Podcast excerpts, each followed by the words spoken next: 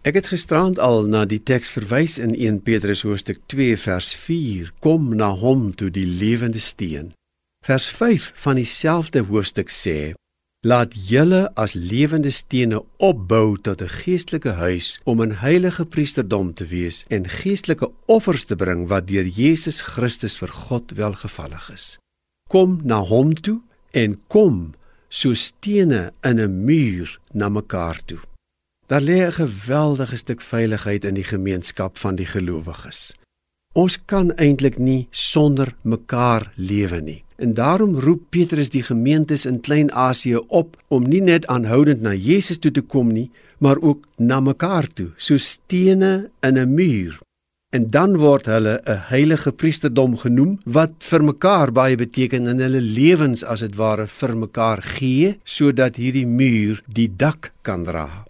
Is geen wonder dat vers 6 so sterk beklemtoon dat hierdie mense eintlik weet wie in hom glo word nooit teleurgestel nie.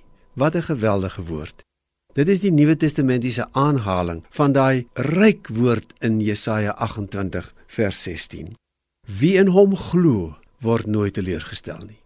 Maar jy en ek moet dit nou onthou dat deel van hierdie nie teleurgestel word nie is dat ons stene is in 'n muur.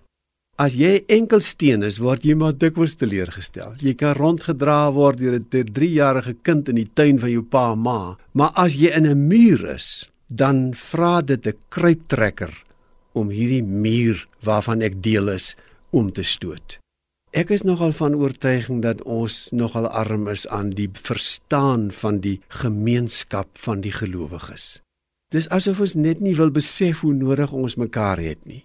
En as jy nou weer by 'n goedgeboude muur verbyloop, kyk tog. Elke steen in daai muur word deur 6 ander stene vasgehou en ek is een van die 6 wat weer 'n ander steen vashou. 'n Mens word nie teleurgestel nie wanneer jy in 'n muur is en jy's 'n steen wat saam met die ander stene in die muur op die kosbare hoeksteen gebou is. Kom ons bid saam. Here, dankie vir die Here Jesus, die hoeksteen van ons lewe en van u gemeente. Dankie vir ander gelowiges wat my vashou, vir wie ek kan help vashou. Amen.